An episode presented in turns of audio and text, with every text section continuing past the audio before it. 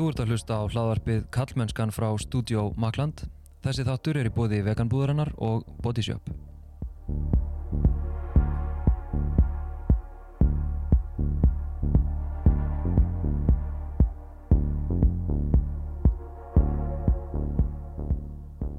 Ég heiti Þorsteinn Maf Einarsson og sé einnig um samfélagsmiðlinn Kallmennskan á Instagram og Facebook og kallmennskan.is en þar byrtast reglulega pislar og greinar.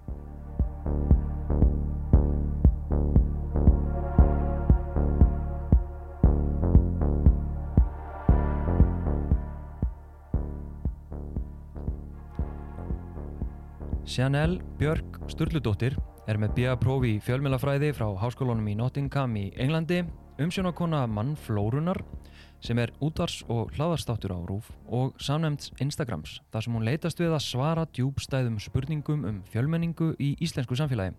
Janelle er blandaður Íslandingur og hefur látið til sín taka í baráttu gegn rasisma og kynþáttafórtumum og jaðarsetningu hvenna af erlendum uppruna í íslensku samfélagi.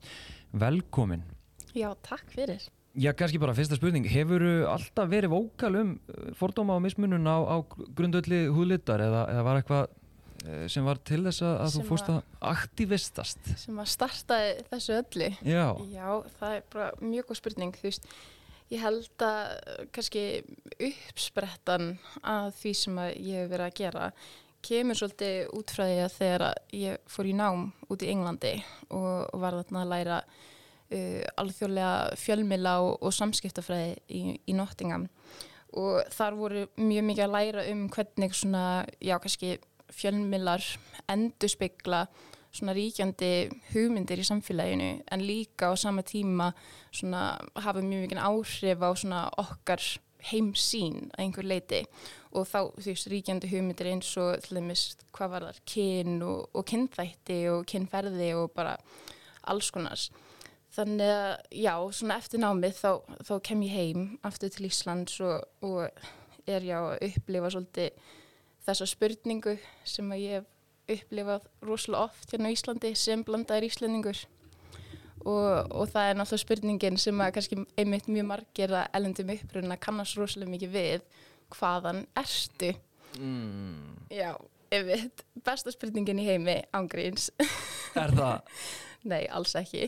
En þú veist, ég skilða náttúrulega mjög vel, þetta er náttúrulega mjög svona íslensk spurning einhver leiti. Þú veist, við erum alltaf að að spurja þú veist fólk sem að þú veist við heldum að það sé kannski einhver svona svipu ættatengsl eða eða sé einhver svona tenging á milli þú veist hverja manna ertu og, og hvaðan ertu og svo leis en mér fannst alltaf einhvern veginn eins og mér fannst þessi spurning alltaf vera stuðandi einhver leiti en ég skildi aldrei þú veist af hverju með þætti spurninguna þú veist veki einhver svona óþægilegar tilfinningar hjá mér fyrir en ég fór í námið og læriði um í rauninni já, þessar svona ríkjandi hugmyndir um hvernig við í rauninni flokkum fólk.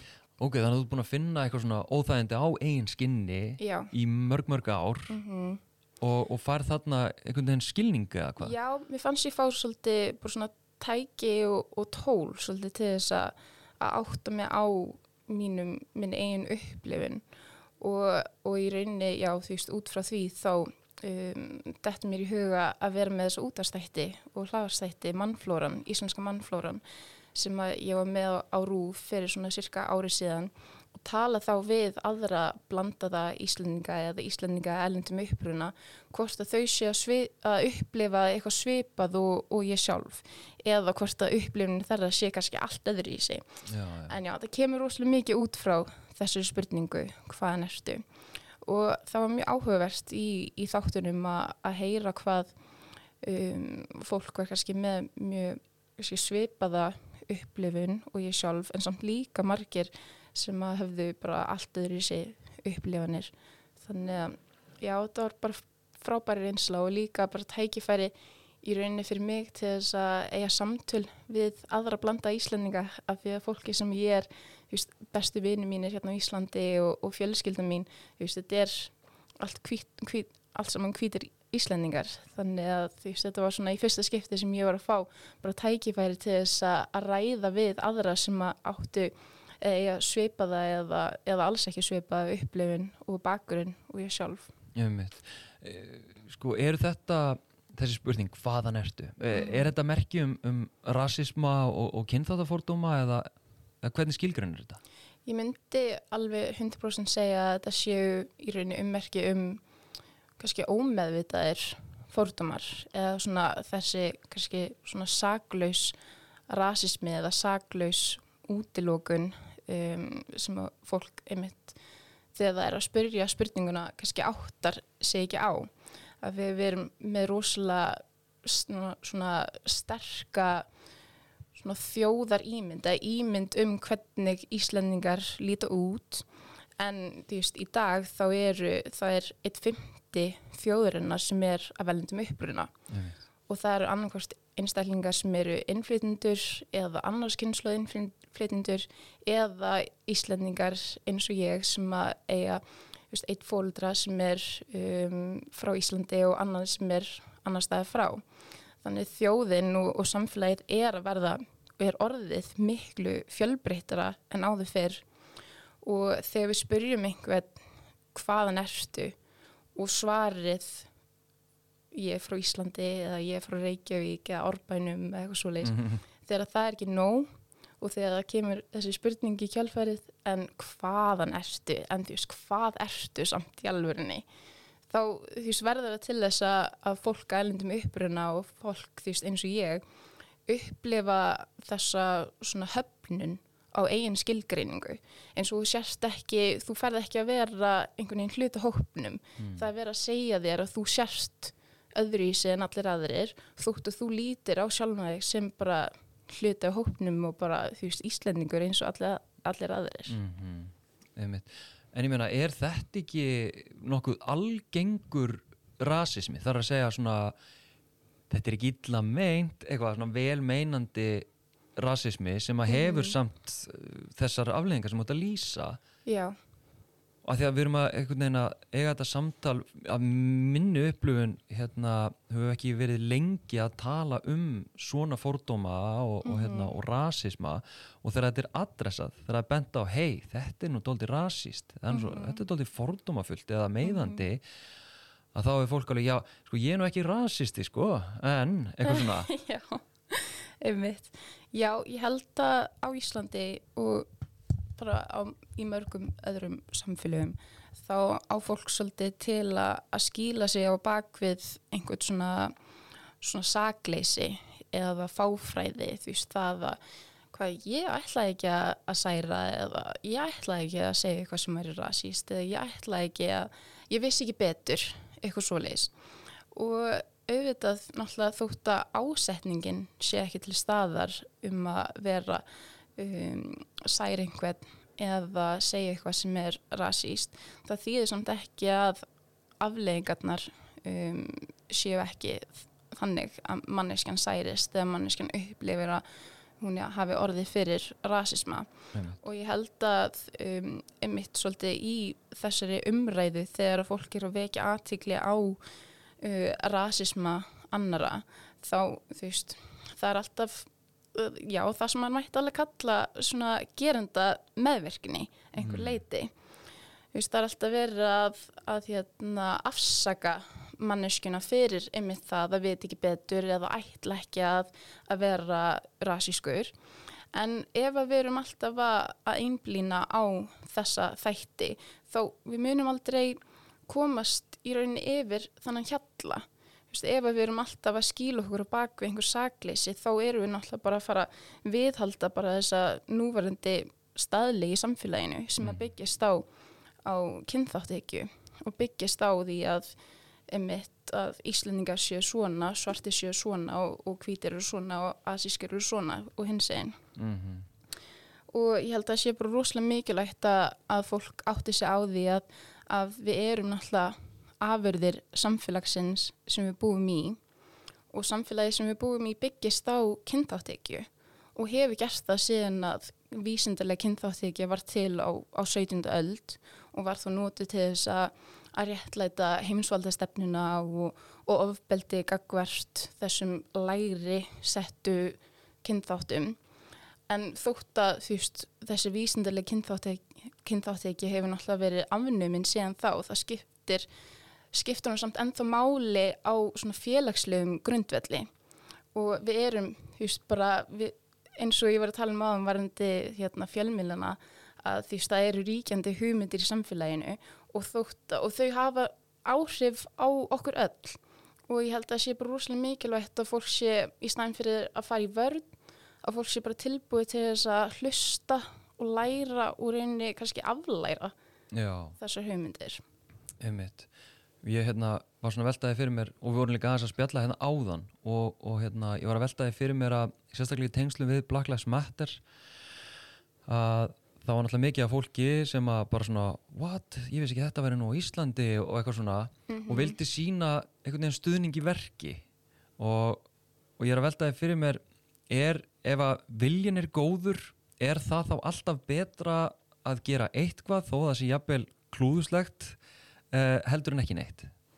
Já, sko ég hef einmitt áttalveg einhver samtöl við hvita Íslandinga um þetta um svona þetta svona woke culture eða svona ally culture sem er, hefur verið svolítið í gangi um, í kjölfærið einmitt á Black Lives Matter mótmælunum á síðust ári. Mm.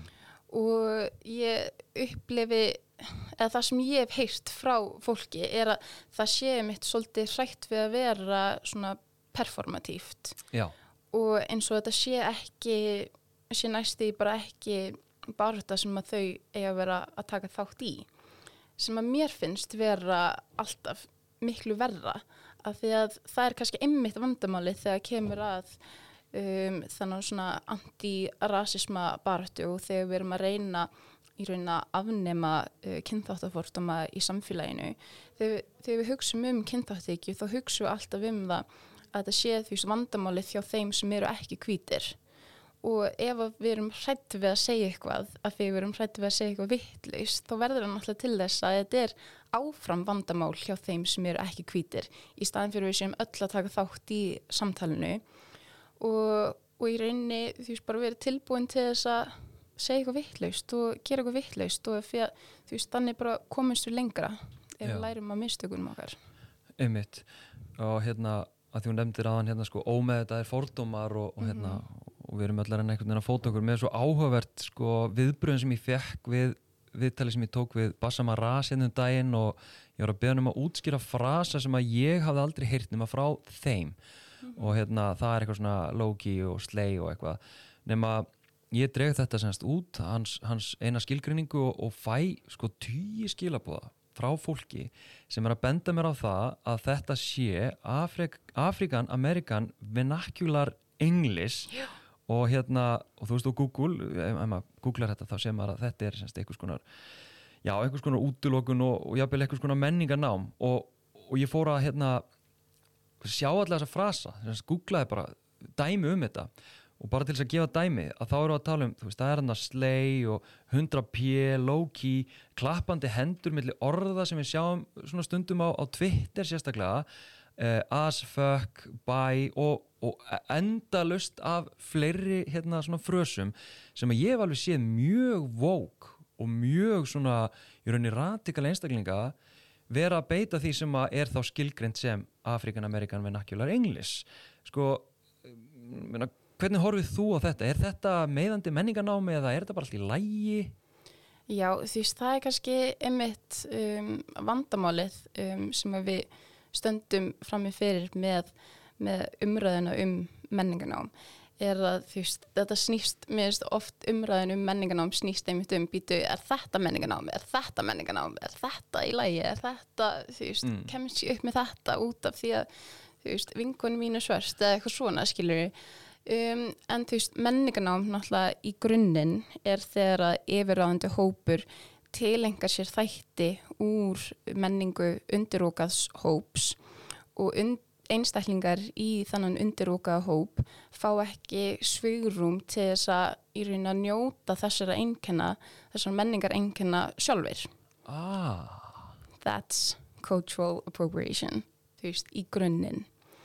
En við náttúrulega, þú veist, menning er samt, þú veist, að mörgu leiti er náttúrulega fljótandi og, og flæðandi og menning, þú veist, við fáum lánað og, og, og tökum úr menningu annara bara konstantli, við erum alltaf að gera það. En þú veist, það er samt líka þessi svona valdastruktúr þar að baki og ég held að það er svolítið það sem að skipta máli þegar við erum að tala um menninganám þú veist, ef að þessi hópur fær leifi til þess að uh, taka þetta úr menningu undirókas hóps en undirókaði hópurinn fær ekki uh, er, það er verið að tengja einhverja neikvæða staðlýmyndir eða neikvæðar hugmyndir við þann hóp fyrir að gera það sem er úr þeirri eigin menningu. Veist, það er svolítið vandamálið. Og ég held að um, og þegar við erum að tala um menningarnám þá veist, kemur allt aftur þessi gerenda fókus upp. Að fólk líður eins og það sé verið að meina þeim um, um eitthvað. Veist, að yfiráðandi hópurinn eða kvítir til dæmis líður, þeim líður eins og það sé verið að banna þeim eitthvað. En þú veist, mér finnst að fókusin í þessari umræðu eigi þá frekar að vera á um, undirúkaði hópurinn, þú veist, af hverju er í lægi að til dæmis ok, ég ætla bara að koma með dæmi sem að tengja sjálfur mig núna. Af því núna er ég sem sagt með fléttur. Af því að hérna þú veist, hár umhyrða fyrir svarta konur er bara rosalega mikil vinna og ég ákvað bara að leta mig lífið aðeins og, og þú veist, fara í fléttur og ég með það sem að, þú veist, maður myndi kalla cornrows eða cane rows en þú veist, á Íslandi þá myndi kannski einhverju segja að þetta séu bara fasta fléttur. Og fyrir mig þá fæ ég mér þessa fléttur til þess að, einmitt, þú veist, bara leta mig lífið og, og þarf þá ekki að pæla í hár umhyrðu hjá mér í, í nokkur vikur en til, þú veist, ef ég var að vinna á ákveðnum vinnustöðum hér á Íslandi, til dæmis sem flugfræja og þú veist, þetta hefur líka verið mjög mikið vandamál út í bandaríkunum og í Breitlandi þar sem að konur, svarta konur, þeim er ekki leift að vera með svona hálfgarislur. Ok. Þú veist, þetta er meiri segja bara bannað í lögum sem staðar veist, reglum eða þú veist, vinnustæða reglum eða eitthvað svo leiðis og ef þetta er ekki bannað í einhver, einhverjum skrifum reglum, þá er þetta veist, áletað sem eitthvað slæmt í svona ómeðvitum eða óskrifum reglum einhver leiti og svo sjáum við náttúrulega, þú veist, hér á Íslandi og, og bara, þú veist, á vestrænum löndum, þá er svolítið það sem hefur verið að gerast á svona síðustu árum er að það er þessi svona hip-hop menning einhver leiti er orðin svo ótrúlega stór partur af svona popkultúr pop og bara tísku menningu líka. Og þá sjáum við um, ákveðna svona stórstjörnir sem eru fannar að vera með svona hárgareislur eins og ég er með núna og hvítar stórstjörnir og þetta hefur líka sérst á, á bara tískupöllunum því í New York og og öllum þessum borgum og þá allt í einu veist, er orði í lægi fyrir um, aðra, aðra konur úr, úr yfirraðundu hópum að vera með svona hálgreislur og það er ekki sett þess að neikvæða um, neikvæða tengingu við þær þegar þær eru með þessa hálgreislu en það er enþá gert við svartakonur. Ok, ég held að það væri svona punktur að það sem þetta væri hefði jákvæðar afleðingar fyrir hóp sem er annars undir og gaður mm -hmm. en svo er ekki. Já, þú veist, það er mér spurning. Kannski um, að einhver leiti í dag um, fyrir mig ég, þú veist, það er kannski oftar sem að fólk sér að um, fólk sér fólk, annað fólk með, eða konur með svona fléttur eins og ég er með núna. Þannig að þetta er orðið kannski aðeins viðkendara vegna þess að yfiráðandi hópurinn tók þetta og gerði þetta að tísku en það er kannski ymmit er pointið, af hverju þurfti þessi yfiráðandi hópur að taka þetta menningarinkenni úr menningu svartra og þá var þetta viðkend og skilur hvert ég er að fara. Ég skil hvert þú ert að fara. Og þetta er náttúrulega hefi punktur sem að og, og beinist á kannski gaggrinin að þessu meðvitundarleysi eða hérna frekar heldur en gjörðunum sjálfum eða, eða svona hvernig? Já, ég myndi segja að því það er um, hvaðan svona um, gaggrínin kemur just, uppaflega en ég held að í umræðinu um menningarnám þá á þetta skilabóð svolítið til að týnast mm -hmm. og það kemur uh, einmitt þetta svona fókus aftur á einstaklingin og gerandan Einmitt. í þessu samingi og því þú veist að tala um áðan, áðan um hérna African American Vernacular English. Just, þetta er líka um, náttúrulega um, þetta svona tungumál er orðið svo mikið bara svona in the mainstream út af bara pop kultúrnum sem að við og internet menninguna sem að er yfir, yfiráðandi í dag.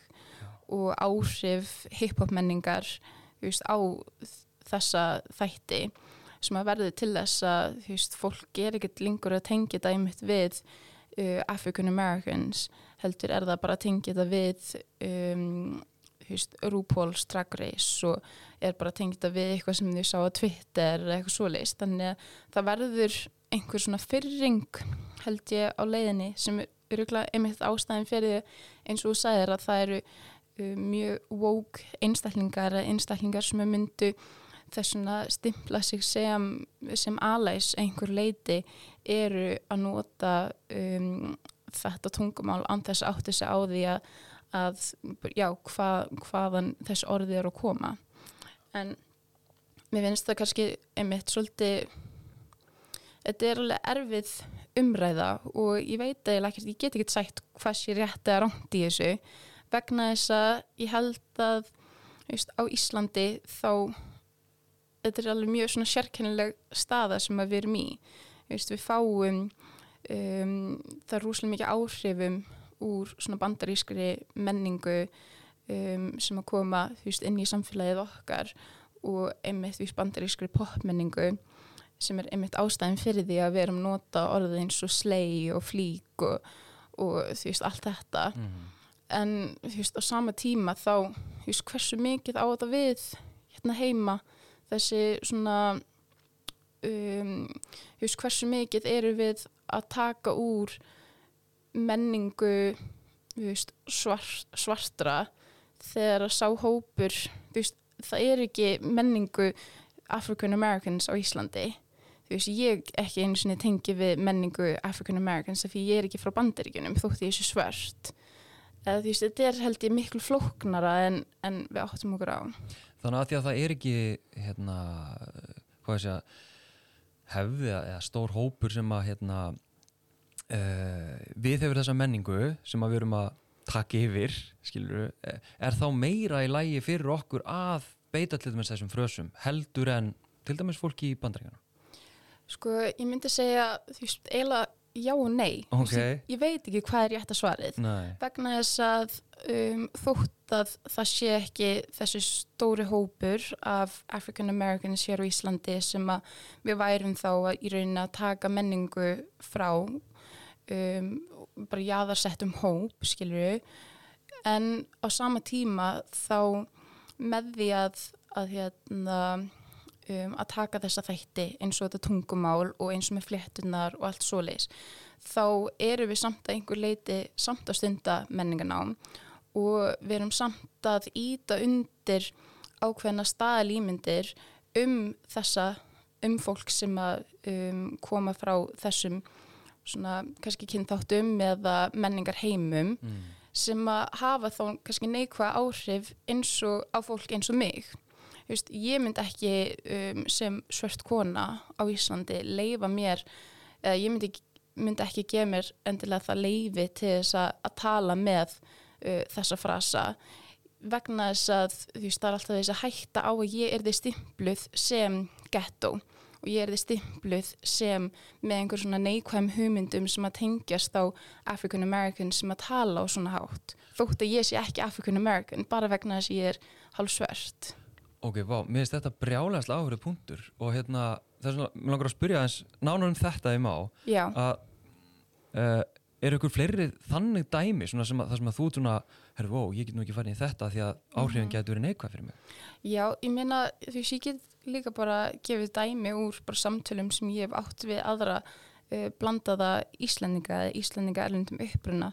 Þá, það er rosalega algengt að fólk af erlendum uppruna á Íslandi og sérstaklega uh, litaðir einstaklingar upplifa þessa í rauninni svona aukna pressu að einhver leiti að koma vel fram, tala góða, góða íslensku Einmitt. og um, bara vera svona eins fullkomin samfélagsþegn og maður getur verið vegna þess að það er alltaf þessi hætta á að það er einhverju neikvæðar um, neikvæðar fordumar eða staðlýmyndir sem eru settar á mann Einmitt. þannig að ég heyrst þetta frá einmitt bara mjög mörgum einstaklingum af erlendum uppröðina þess að svona aukna pressu sem ég held að uh, hvítir íslendingar um, þurfa ekki einhvern veginn að óttast eða þurfa ekki að, pæla í Einmitt.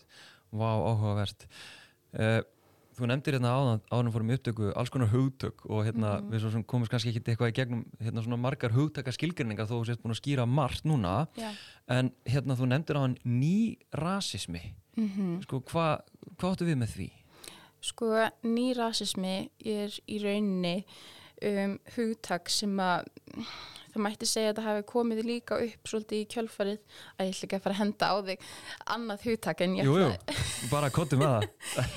eftir svona, svona þessa svona post-racial um, byltingu sem að byrja svolítið upp úr 1990 það að við séum svona komin fram yfir uh, rasisma eða kynþáttekju í samfélaginu og kannski líka eftir að hérna í rauninni þessi svona vísindaleg uh, kynþáttekja sé afnuminn. Því að erða fræðingar sína fram á að það sé engin munur á milli fólks um, út frá þessum svona kynþáttaflokkun. Um, en eins og ég nefndi áðan það þýðir samt ekki að það skipti ekki lengur máli sem félagsleg flokkun.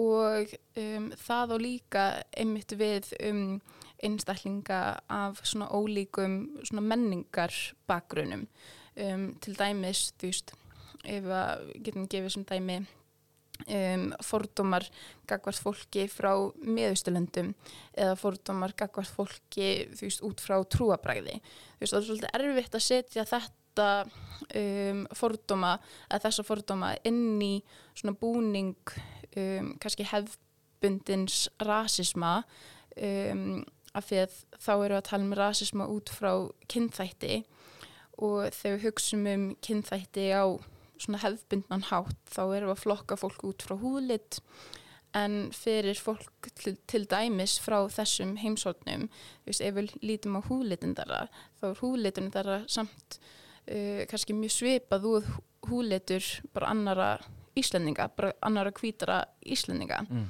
en samt eru þessir fordómar til staðar sem að tengjast ekkit endilega bara húðlitnum, Mhm. tengjast einhver, einhver svona fordóma gagvart einmitt trúabræðinu eða einhver menningar einkenni um, einhverjar aðri hluti sem að þú veist passi ekki alveg inn í þannan svona hefðbundna um, þessa hefðbundna skilgríningu á, á kynþáttum Mhm. þannig þess vegna er þetta kallað nýrasismi þetta er í rauninni líka það að einmitt eftir svona post uh, uh, byltinguna þá hérna, eða stefnan þá veist, fattaði fólk að það er rámt að vera með fordóma gagvart fólki út af húðlit. Mm.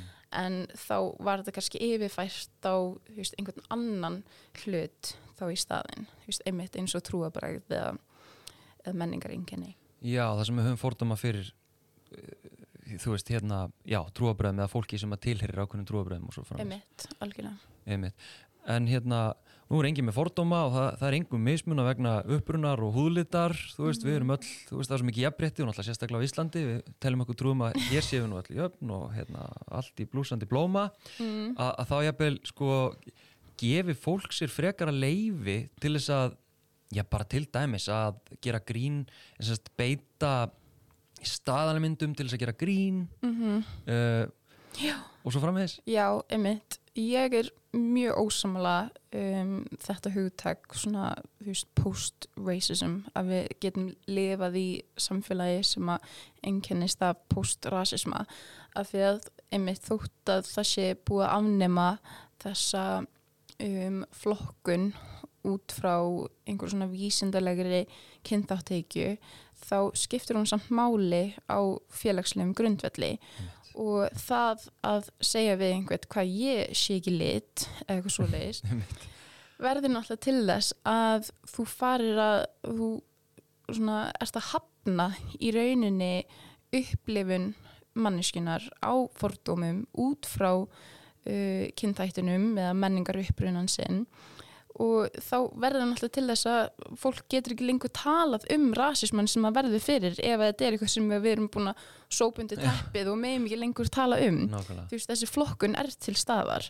Hún skiptir máli á félagslegum grundvelli og þú veist, það er ekki til þess að segja að við eigum að íta undir þessari flokkun en þá meira en við verðum samt að áttu gráði hún er til staðar og, og hérna, það er ekki að fara að hjálpa okkur að hunsa bara fílinn í herbygginu sko. Nei, nákvæmlega. Vá, við getum haldið svo endalist áfram. En ég fór út inn, hvað hérna, það er alls konar framundan hjá þér. Viltu segja mér aðeins frá því? Hvað, hvað er að fara að gerast? Já, um, ég sem sagt er hérna með þessa síðu mannflóran á Instagram og það verður vonandi margt meira spennandi að gerast þar, meiri fræðslu um fjölmenninguna á Íslandi um, og svo líka ég er búin að koma saman með henni Mirjam Petru og, og við erum að halda saman fræðslu erindi um fordóma og kynþáttahyggju í íslensku samfélagi. Þannig að það er alveg hægt að senda okkur skilaboð á, á Instagram um, eða senda okkur post. Ég skal, uh, bara ef við sendum mér skilaboð á Instagram þá læti ég ykkur fá netfangi mitt og, og bóka okkur í, Í- fræðslu. Í grunnskóla og, og vinnustæði og... algjörlega. Ok, og svo við líka, er ég líka með félagsamtök sem heita Hennar Rödd. Um, og við erum að vinna með konum með ellendum uppruna og erum að fara að halda rástefnu annan oktober og miðasalan hefst um, núna næstu helgi. Þannig að endilega kíkið á Instagram síðu Hennar Rödd eða finna okkur á Facebook og fylgjast með. Geggjað. Sjanel Björk Sturludóttir, takk kjærlega fyrir spjallið. Takk fyrir mig